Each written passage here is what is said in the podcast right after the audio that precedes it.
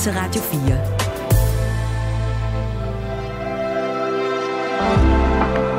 Velkommen til morgenrutinen. Din vært er Maja Hall. Hans historie er en rigtig American Dream-historie. Og da jeg var kun var 19-20 år gammel, der blev jeg nummer tre i uh, verdensmesterskabet i mix og scratch.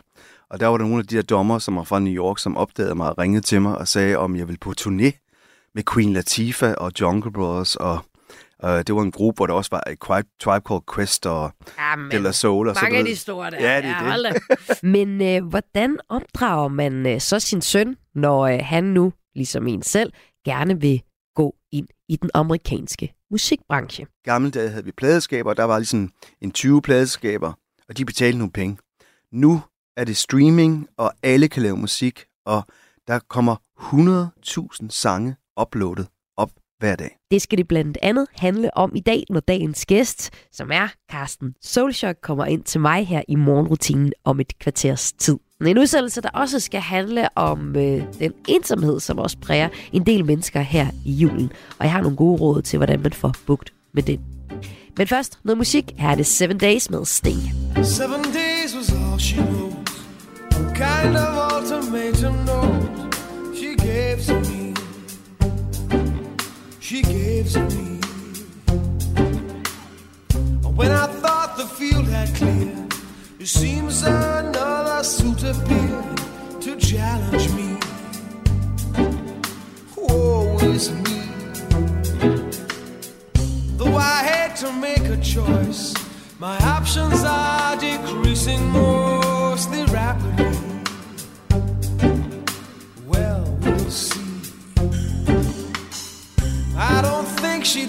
This time. I really have to make a mind. It's plain to see. It's him or me.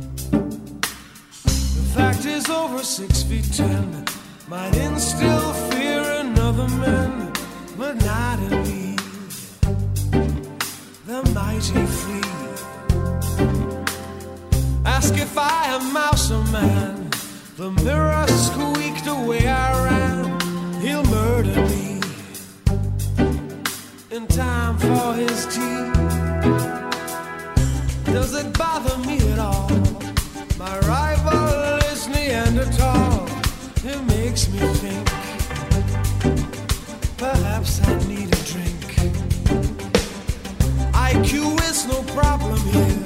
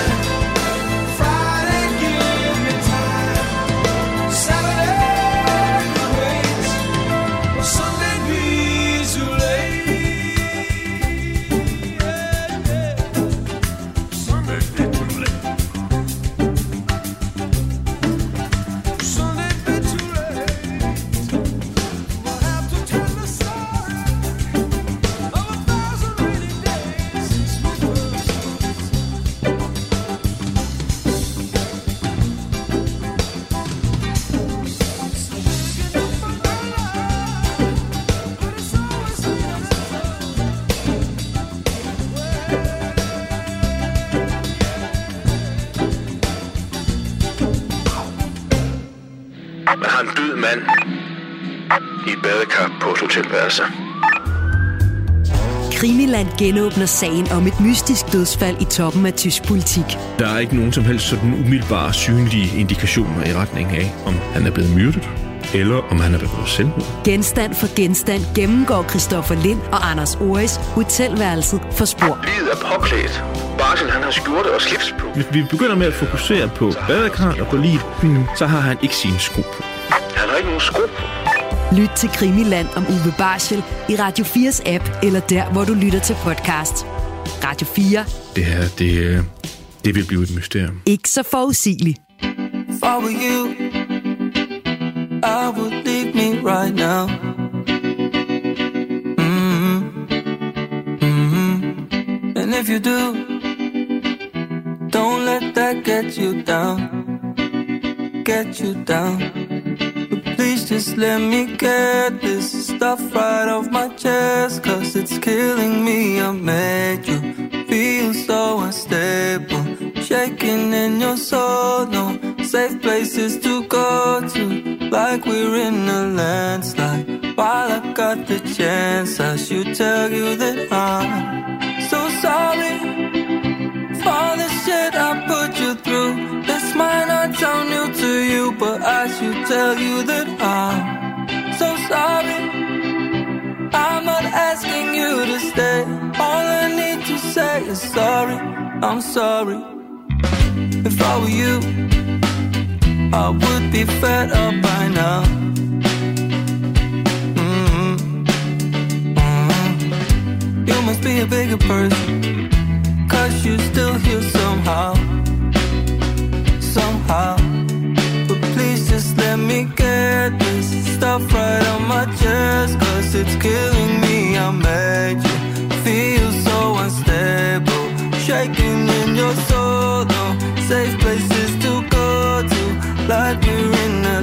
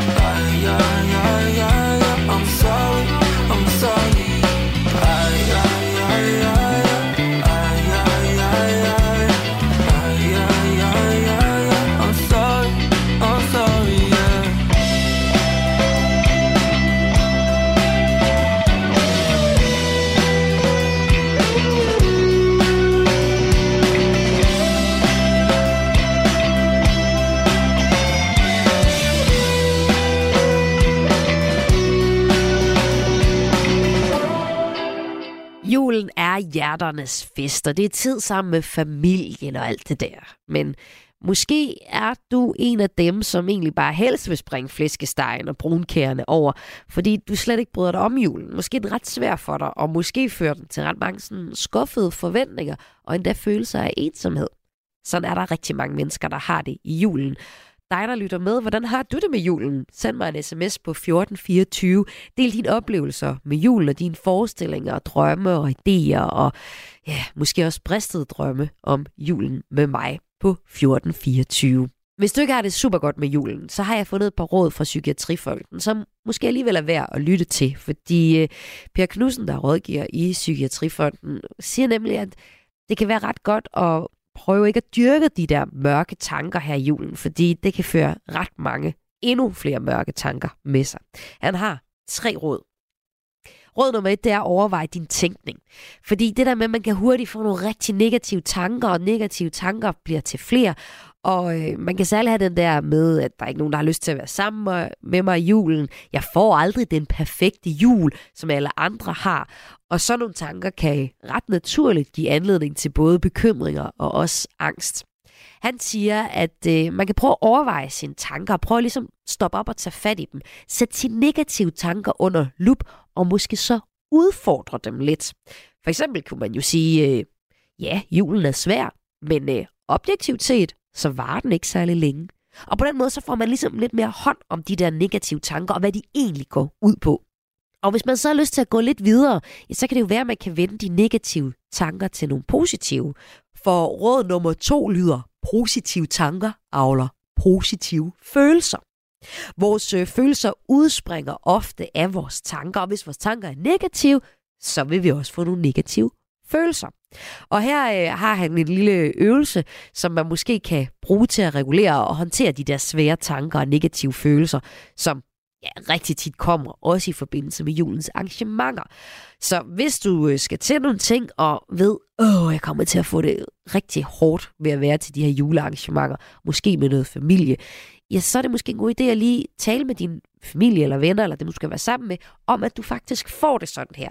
Måske har du brug for at trække dig. Så måske er det noget med at lige skrive en sms og sige, jeg synes nogle gange, det er rigtig hårdt, det her med jul. Jeg har måske lige brug for at lige gå ud og trække 5 minutter. Og når du så gør det, for det er jeg sikker på, at folk godt vil forstå, så kan du lige prøve at samle de her tanker og lige sige, øh, måske skulle vi sætte dem til side og så sige, jamen jeg er her faktisk lige nu, jeg er sammen med nogle mennesker, og det kan måske give dig en positiv følelse.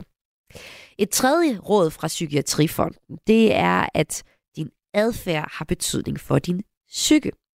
Og der kan være en ting i julen, at vi måske, fordi vi ikke kan lide julen, det kan være, at vi har en negativ familiehistorie, der præger os nu, ja, det gør, at vi også har lyst til at undgå jul og alt muligt og alle mulige juleaktiviteter. Det er sådan en form for selvbeskyttelse, forklarer Pia Knudsen fra Psykiatrifonden. Og når man trækker sig, jamen, så er det jo endnu sværere at opbygge og opretholde nogle relationer, og så kan man få en endnu større følelse af ensomhed. Og her kommer han med et ret konkret råd. Det kan fx være nyttigt at skrive sine relationer ned på et stykke papir og lave en for- og imodliste. Og så vil man typisk opdage, at der findes mange relationer, man faktisk kan række ud til. Og derudover så kan det også være en god idé at bruge sit lokalmiljø, undersøge hvilke aktiviteter, der findes tæt på en. Og hvis man ikke har lyst til det, jamen så bare husk, siger Per Knudsen. Kom udenfor. Måske bare lige få hils på naboen. Small talk lidt nede hos bageren. Det her med rent faktisk at bevæge sig ud i virkeligheden, også i julen, selvom man ikke bryder sig om den, ja, det kan give en positiv følelse, noget der kan have en positiv betydning for din psyke. Til sidst så skal jeg lige huske at sige, at Psykiatrifonden har et telefonnummer, du altid kan ringe til. Det er 39 25 25 25. Og så vil jeg her i morgenrutinen spille et nummer, som øh, er en slags julesang, der ikke er helt vildt julet. Den er mere alvorlig og trist, og den handler faktisk om at føle sig alene i julen, og egentlig bare ønske sig væk. Det er en sang, som jeg kunne sige sætter fokus på det der med, at der kan opstå masser af ensomhed i julen. Den kommer fra øh, Joni Mitchell og hedder River, og det kan være, du kender nummeret her fra julefilmsklassikeren Love Actually. Der er sådan en scene, hvor Emma Thompsons karakter finder ud af, at hendes mand er utro, og at han ikke har givet hende et øh, smukt halsmykke til jul, men at han i stedet har givet det til hans unge kontorassistent. I stedet for så får øh, Emma Thompson et øh, album med Joni Mitchell, og det sætter hun så på, og der er en enormt rørende scene, hvor hun står og lytter til det her nummer. Og du kan i nummeret her lægge mærke til, at sangen som outro, altså slutningen af sangen, har Jingle Bells temaet. Altså Jingle Bells, Jingle Bells, Jingle da da. Men øh, den har nummeret i mol i stedet for i dur, altså i en trist version. Lyt med her. Her er det Joni Mitchell med River.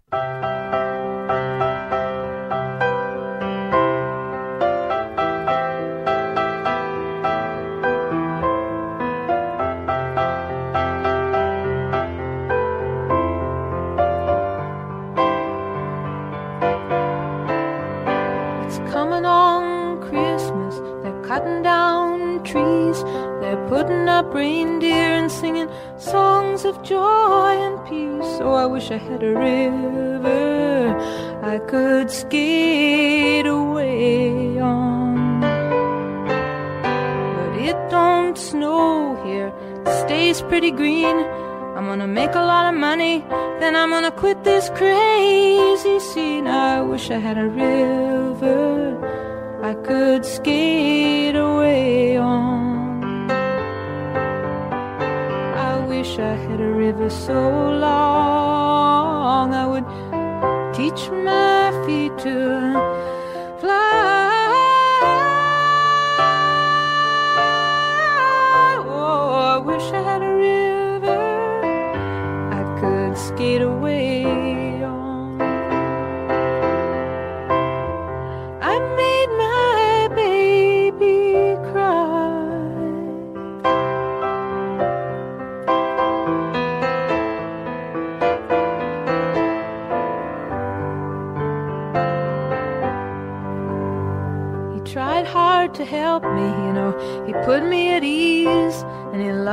so. naughty, made me weak in the knees. Oh, I wish I had a river I could skate away on.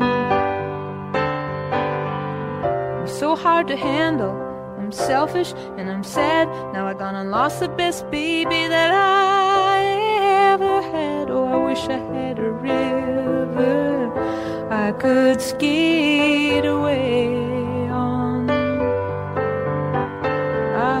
had a river so long I would teach my feet to fly.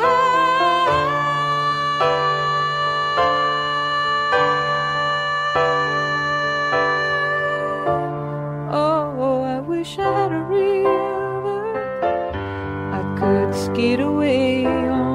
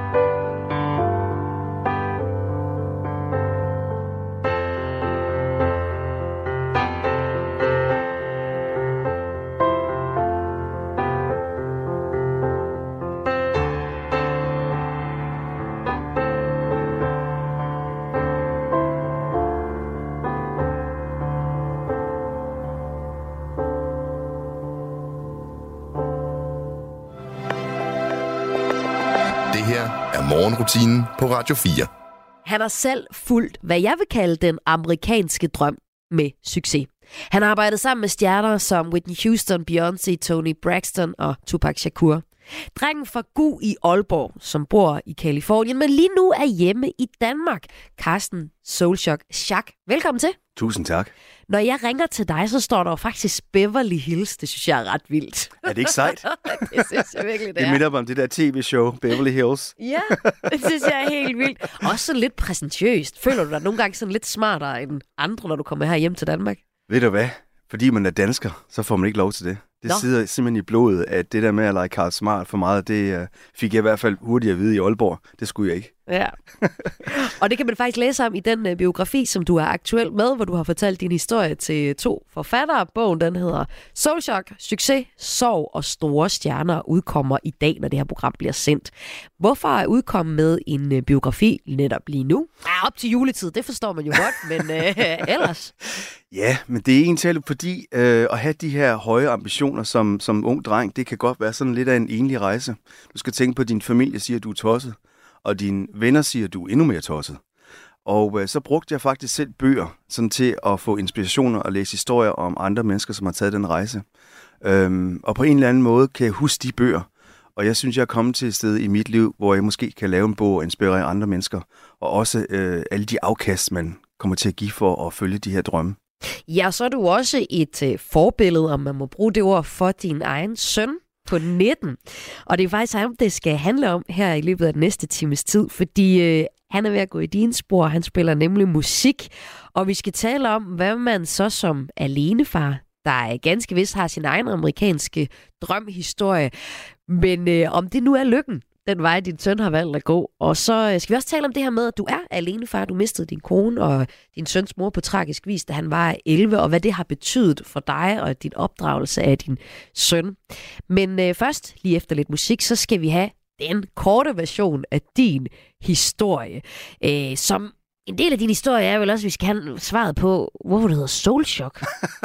Den kan vi godt lige tage inden, Drew Sycamore. Hvor, hvad, hvor kommer det fra? Jamen, det er fordi, øh, da jeg startede, der blev jeg jo fuldstændig fascineret af hip-hop-musik, og så så jeg alle de her navne, Grandmaster Flash og Grandmaster DST og Ja. Mixmaster Ice. Og så tænkte jeg, Carsten Schack, den sidder ikke rigtigt. Jacques, det lyder da meget sejt. Ja, den holdt vi næsten også med chok, ikke? Ja. Øh, men det var faktisk min gode ven Henrik Milling, som hed Dr. Jam dengang. det er Øh, også fantastisk. Ja, vi, jeg, jeg mixede jo alle de her gamle soulplader sammen, og han kom op med, at det var ret chokerende. Så blev det til Soul Shock. Fedt. Vil du høre, hvad mit navn er? Ja. Jeg hedder Maja Hall. Det er blevet til MJ Bones. Woo! Ja. Vi skal lave en plade. Så det er Soul Shock og MJ Bones in the radio. Så og her er det. Drew Sycamore med Take It Back. You should take it all back. Take it back. You could just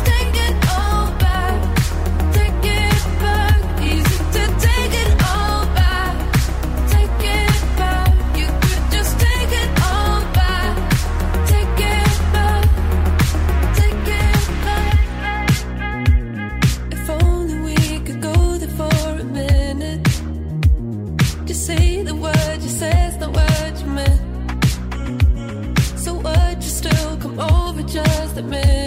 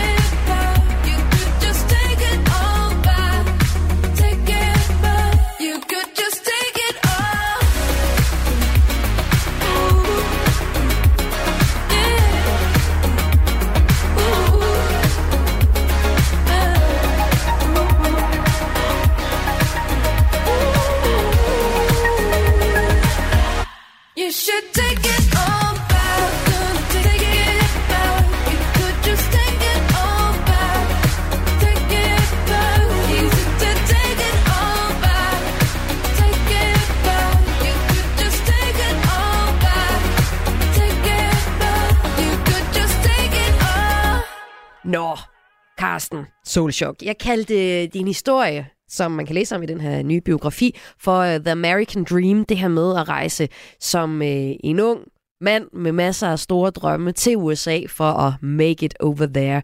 Men vil du egentlig selv kalde din historie som The American Dream? Ja, det synes jeg så godt, man kan sige.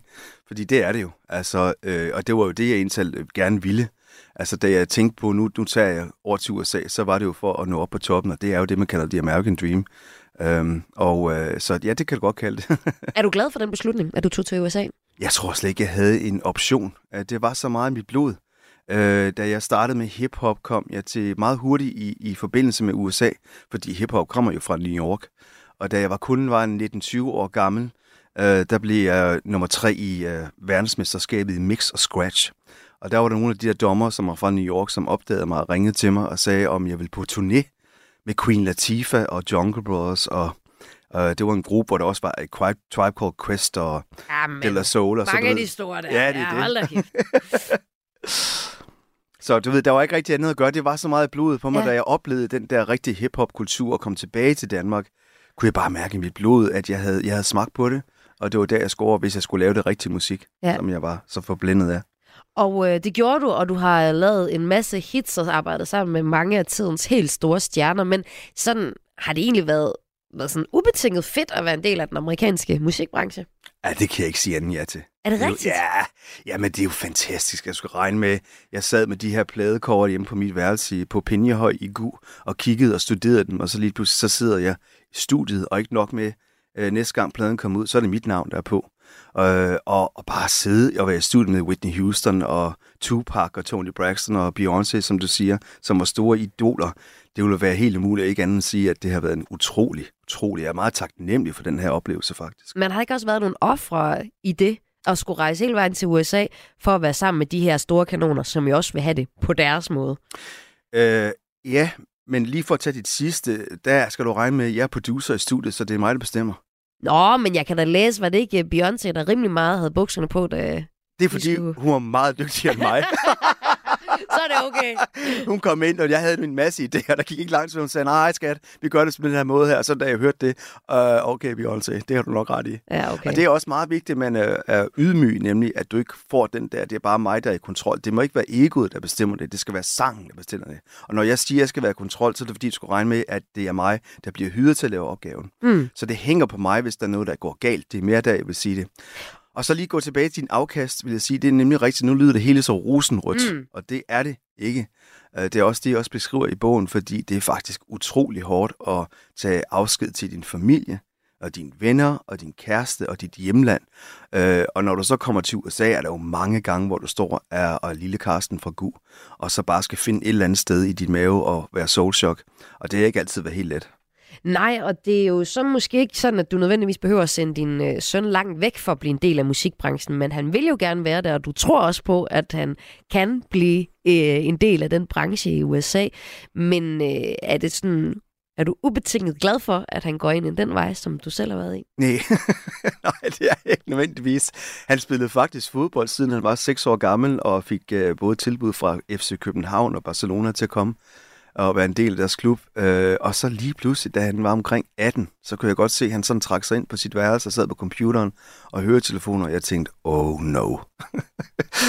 øh, men du skal regne med mor, som jo var en stor sangerinde. Hun var med i en gruppe, der hedder Brownstone, og hun sang hele tiden, altså i bilen, og, og, og du ved, når han skulle i seng. Og så kom han, skulle han med mig ud i weekenden og lege, som jeg altid gjorde. Og så sad jeg og spillede alle de her nye sange, jeg havde indspillet, og hvad synes du om det? Så han havde simpelthen så meget musik omkring sig, så da jeg opdagede, at han begyndte at lave musik, måtte jeg jo erkende, at det ikke var sådan helt en overraskelse. Men ville du hellere have haft, at han holdt sig til, øh, til fodbold? og min drøm var, at han skulle ned og spille for Madrid. Så kunne jeg sidde der og ikke Så- lave andet end det. Så du tænker egentlig, at, at fodboldbranchen er, er, er roligere end uh, musikbranchen? Overhovedet ikke. Ja, okay. Det, ja, det er jo lige så hårdt. Altså, Hvorfor faktisk, ikke bare blive ingeniør? Jamen, det er jo skægt, fordi jeg tænkte faktisk på et tidspunkt, at han havde sådan noget akademisk i sig. Ja. Øh, fordi han er meget mere rolig end mig, og meget mere sådan velovervejet, hvor jeg er sådan lidt mere en ildsjæl, tror jeg, man kalder det. Øh, men, øh, og han har også klaret sig også fint i skolen.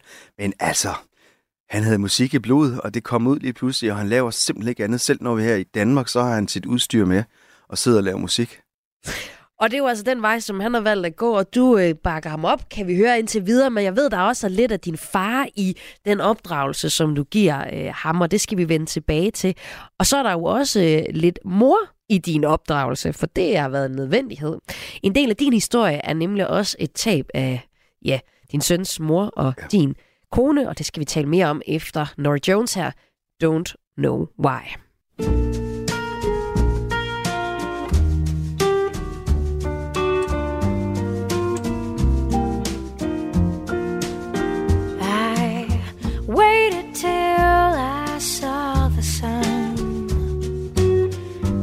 Know why I didn't come.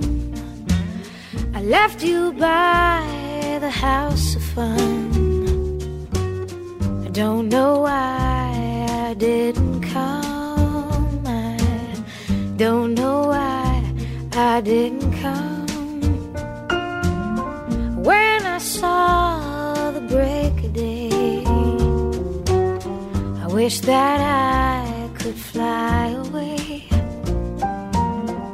Instead of kneeling in the sand, catching teardrops in my hand. My heart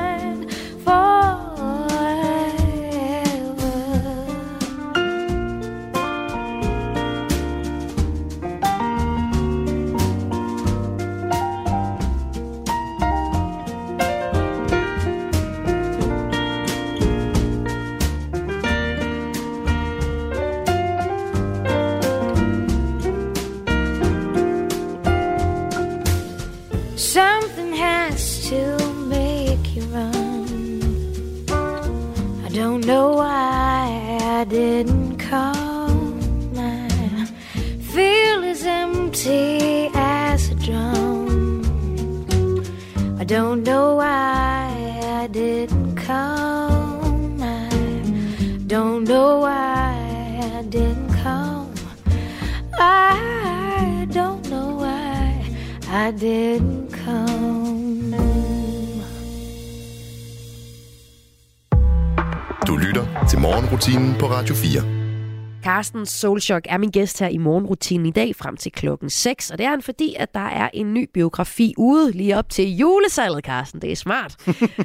Da din øh, søn er 11, der mister han sin mor, og du mister din kone. Og det er et ret dramatisk uheld, og vi skal tale om, hvad det har fået af betydning for øh, din opdragelse af din søn. Men prøv lige at fortælle kort, hvad er det for et dramatisk uheld, man jo også kan læse om i bogen? Ja, men det er jo- forfærdeligt. Øh, Jeg kommer hjem, jeg ringer til hende og siger, at jeg er lidt forsinket. Og det, det var jeg altid, når jeg var i studiet. Og så kommer jeg ind ad døren, og hun har lavet middagsmad til mig, som sad oppe i køkkenet, som hun altid gjorde. Og hun var ude på terrassen, og jeg tog et glas vin og sad og snakkede til hende. Og undrede mig lige selv lidt over, at hun ikke svarede. Øh, og så gik jeg hen til terrassen, og med det samme så jeg, åh, oh, skat, du har jo spildt en masse rødvin. Øh, og da jeg så kom tættere på, kunne jeg se, at det ikke var rødvin, det var blod. Øh, og hun lå i sit blod. Og øh, øh, to-tre dage før det skete, der øh, havde min søn scoret et mål, som hun var så glad for, at hun hoppede op i vejret. Og så faldt hun ned i sådan en lille hul i græsplænen og faktisk brækkede to tæer. Så hun havde sådan en støvle på. Og øh, så har hun stået på terrassen med et glas vin og forsøgt at få den her støvle af, og så har hun mistet balancen. Øh, og det hun så falder bagover, der tager hun hænderne op sådan automatisk for at beskytte sit hoved. Øh, og der lander vinglasset så først på terrassen, som sådan en cementterrasse. Og, og det sker simpelthen hendes øh, halspuls over. Og det er der, der gør, at hun mister så meget blod, at hun så også mister livet, og betyder, at du nu er pludselig alene far.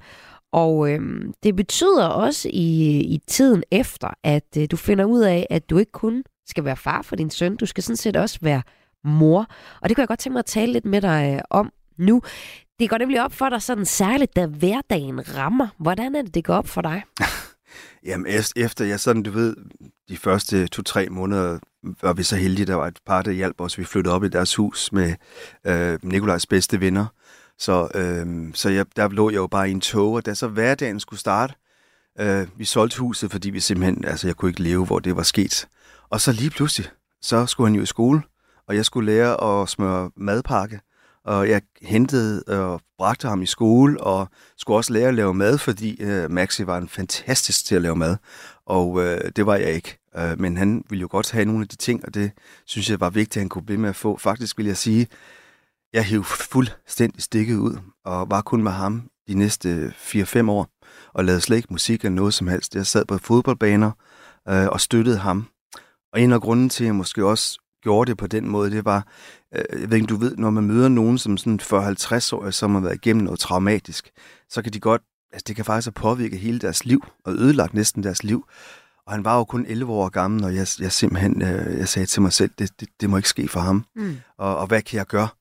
Og jeg kan huske Maxi, hver gang jeg var i tvivl om, hvordan det var at være far, så sagde hun, uh, as long as you love him and show you love him. Og det tog jeg med mig. Og øh, det var da jeg opdagede, du ved, at faren står jo stadig, du skal jo gøre det bedre på, fodbold, på fodboldbanen, og du skal jo have nogle gode karakterer og alt det der, som faren gør. Men der var ikke den modvægt, som moren, som min mor, altså ikke min mor, hans mor gav, og øh, hun kaldte ham lille sweet face. Og det måtte jeg jo også give ham. Så jeg måtte lære den anden side af mig, og du ved, nusse, og han kom nogle gange ind og sov ind i sengen ved mig, som jo var naturligt efter det tab. Øhm, så der oplevede jeg faktisk en helt anden side af mig selv. Øh, og jeg følte, jeg fik det til at virke. Ikke? Det var egentlig ikke så uvandt. Måske også fordi, jeg havde trukket stikket, så jeg kunne koncentrere mig om ham.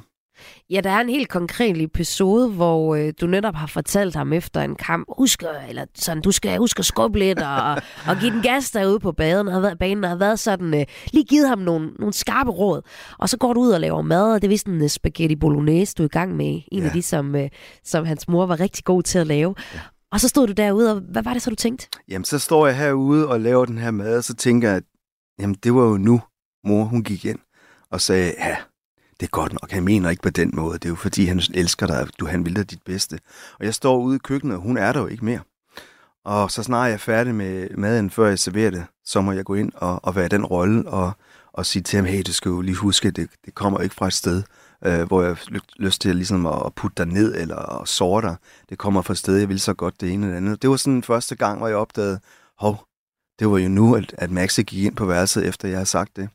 Og det var faktisk første gang, jeg oplevede, at jeg blev nødt til også at være mor nu. Og hvad tror du, det har betydet for dig personligt, at du har skulle rumme den her feminine side, som dig ikke har været så, så, så, øh, så aktuel for dig tidligere? Nej, der var helt klart alfa male, hvad hedder det før. Øhm, jamen, en tal, øh, altså jeg er jo ikke glad for det, der er sket, så det må ikke komme sådan ud i hvert fald. Men, men jeg vil sige, en tal taknemmelig for at have opdaget den side, fordi hvor jeg tidligere måske havde tendens til, hvis du en der ringede til mig og sagde, jeg, jeg er i en depression, og jeg ligger i min seng, og jeg kan ikke komme ud af min seng, så vil jeg bare sige, du tager bare højre fod, så tager du venstre fod, så kommer du op og stå. Laver du, mand? Kom nu. Er det rigtigt? Ja, ja. Jeg havde ikke en forståelse for det. Hvorimod nu har jeg en meget, meget, meget større forståelse for, at der sker nogle ting i livet, og der går folk, de går igennem nogle ting, hvor øh, man bliver nødt til at forstå, at det ikke bare sådan lige at komme igennem det. Det har jeg jo nu fået den største forståelse for. Så på en eller anden måde har jeg fået en side af mig, som øh, har meget mere forståelse. Vi har et ord, der hedder compassion, som jeg tror ikke, jeg havde så meget af før, øh, og det har jeg fået, og det har faktisk gjort mig til, ja, næsten et helt andet menneske. Så på trods af det tab, så har øh, din kone og øh, din søns mor efterladt sig en lille ting, som hun har givet videre, og det er den del, der er det. Du kan tro, og, og, og vi snakker jo med hende hele tiden. Altså, det er en af de ting, jeg også har taget med mig. Uh, hun er stadig meget i vores hjem, og nu havde vi jo også nogle, nogle, nogle therapists, nogle psykologer på i starten, som sagde, øh, du ved, i gamle dage, der snakkede man ikke om sådan nogle ting her. Der var sådan noget, man gemte under gulvtæppet. Men nu om dagen er det simpelthen så vigtigt, når folk de går igennem sådan nogle ting, at man snakker om det. Snakker om hende hele tiden, griner og siger, at den her bolognese, det er vist ikke helt på samme niveau. Ja. Øh, så, så, så hendes navn og alt det, der skete, det ikke går hen i et eller andet tabu-område. Så, så vi snakker meget om, at hun er meget en del af os. Og øh, hun er jo så også en del af den personlighed, du også har udviklet. Der var et behov for, at du også skulle være mor i øh, din, øh, et forhold til din øh, søn. Og hvad det så også har betydet for dig og din opdragelse af din søn, det skal vi tale lidt mere ned i nu.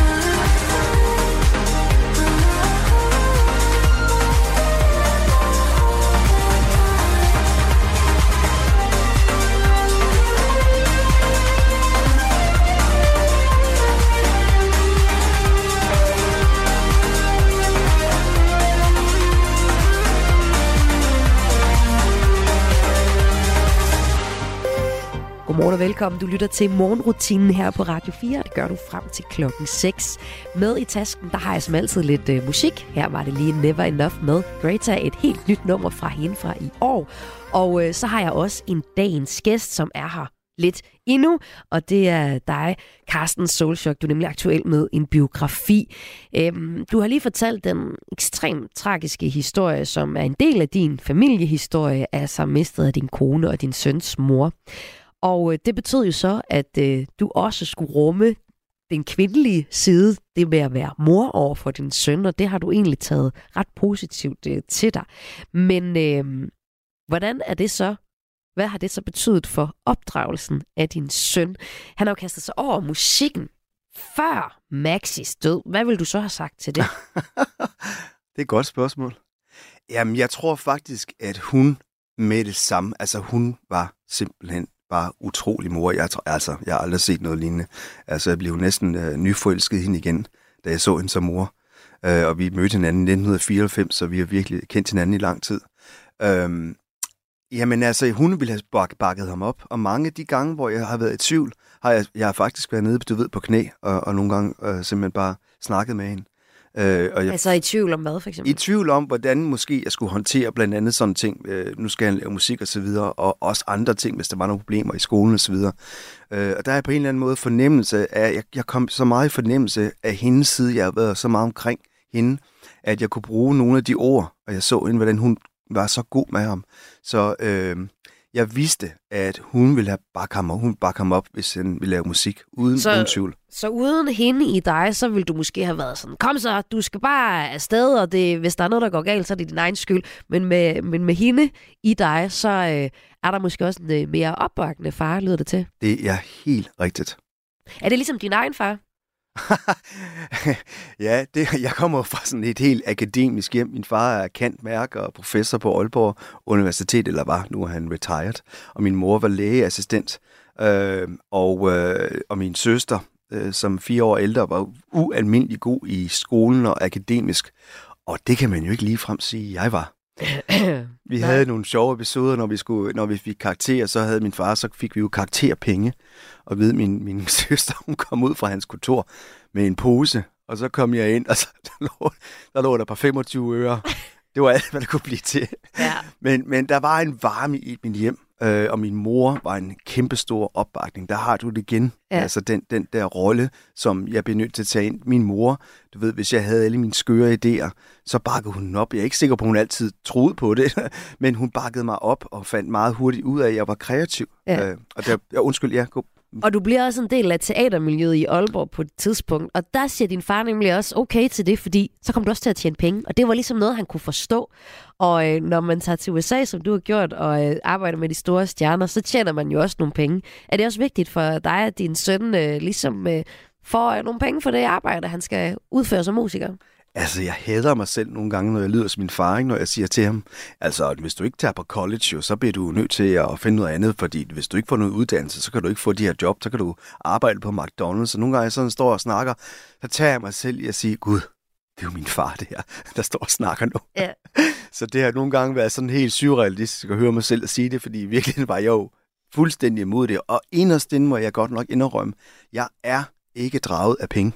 Jeg synes, det er rigtig dejligt, det kommer. Jeg nyder det. Det er dejligt at køre en god bil. Så hvad er det så for en sikkerhed, som din søn, han, du håber på, han får? Men det er jo så det, er problemet, det er, at jeg må erkende, at min far gav det faktisk med mig på den gode måde, fordi det, du kan jo ikke bare leve i en drømmeverden. Altså det er godt, at du bare sidder og laver musik, du skal ikke tænke på penge, min ven, du skal bare, men så sidder du altså, i USA skal du regne med, der er ikke noget sikkerhedsnet, når du ryger ned igennem systemet. Hvis du ikke har nogen penge, så ryger du ned på gaden. Der er ingen, der hjælper dig. Du kan ikke komme på hospital, hvis du ikke har penge. Hvis du går på hospital, så spørger de, har du health insurance? Og det koster 1.500 dollars om måneden for en ja. familie. Og hvis ikke du har det, du kommer simpelthen engang ind. Så jeg bliver nødt til også at være min far og være far over for mig at sige, hey, hvis du gør det her, Altså, jeg kan huske, min far sagde, at du skal få en uddannelse først. Og det har jeg sagt til ham, jeg synes, du skal få en uddannelse først, som jeg også blev tvunget til. øh, og så det igen, nu gentager jeg min far, men det er jo fordi, jeg er bange for, at det er jo et usikkert fag, musikbranchen, og det er næsten mere usikkert nu end nogensinde. Fordi i gamle dage havde vi pladeskaber, og der var ligesom en 20 pladeskaber, og de betalte nogle penge. Nu er det streaming, og alle kan lave musik, og der kommer 100.000 sange uploadet op hver dag. Ja, det er helt vildt. Og din søn, han er nu øh, 19 år, og han er jo en del af den amerikanske ungdomsgeneration i Kalifornien, hvor han også øh, vokser op. Altså, hvad er det øh, for en virkelighed, du lukker ham ud i nu, hvor han øh, gerne vil musikkens vej, vil du sige her til sidst? Jamen, det er jo også det, der nogle gange er lidt svært, ikke? Fordi det er jo et bare samfund derovre. Altså, og øh, for ikke at snakke om, der er jo så mange våben også derovre. Så du ved, jeg er jo en del mere usikker, og når han nogle gange siger, at nu går jeg i studiet, og jeg så kommer hjem næste morgen, øh, må jeg jo indrømme, det er jo ikke meget, jeg får sovet. altså, jeg Nej. ligger jo og er nervøs. Ikke kun fordi han er ude om natten, det er jo, hvad det er. Men havde det været i Aalborg eller København, så havde jeg nok ikke været så bekymret. Men altså Los Angeles, det er stadig en af de farligste byer i verden, og det, kan jeg ikke, det, det sidder dybt i mig. Så jeg lader som om, jeg ikke er sådan en... Øh, hvad hedder det, en hønemor, eller hvad man kalder det. Øh, men men øh, jeg må indrømme, jeg er meget bekymret nogle gange. Du skal da bare have kommet op med nogle danske kontakter, det må du da have. Det er da det. Ja. Men der skal du så regne med, at den danske musikbranche be- betaler jo ikke helt de samme Nej, priser. det er rigtigt. Men her er det en fra den danske musikbranche. Her er det Alex Vargas med Police Bells and Church Sirens. Well, I'm a fan of days in bars and nights in school. And of geniuses in jail and Nobel fools. And I'm a fan of yellow noise and silent shouts. And of nurses that are boys and women scouts. Why don't they make a police bells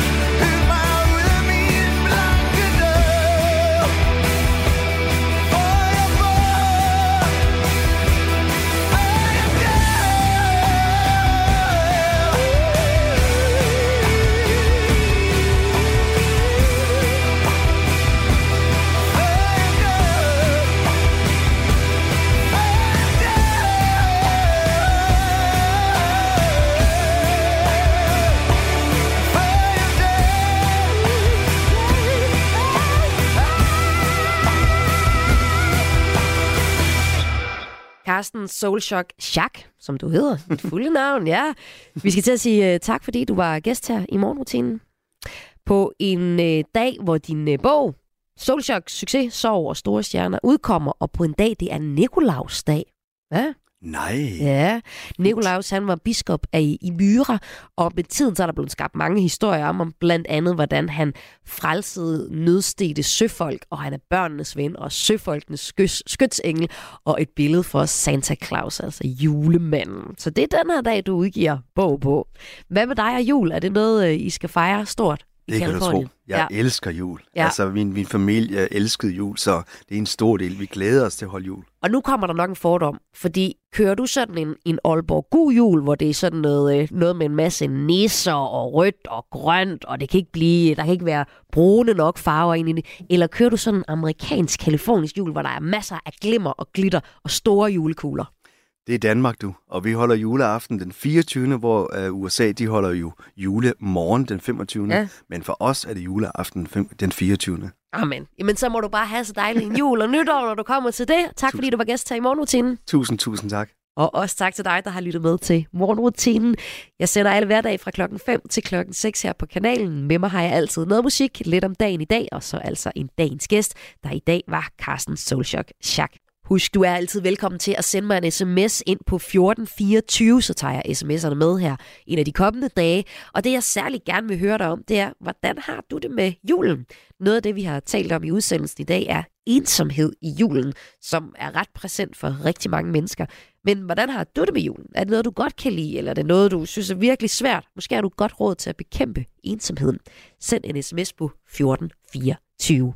Tak fordi du lyttede med. Jeg hedder Maja Hall. Jeg er tilbage igen i morgen på en torsdag. Men øh, indtil da, have en dejlig onsdag. Her er der et nyhedsoverblik. Du har lyttet til en podcast fra Radio 4. Find flere episoder i vores app, eller der, hvor du lytter til podcast. Radio 4. Ikke så forudsigeligt.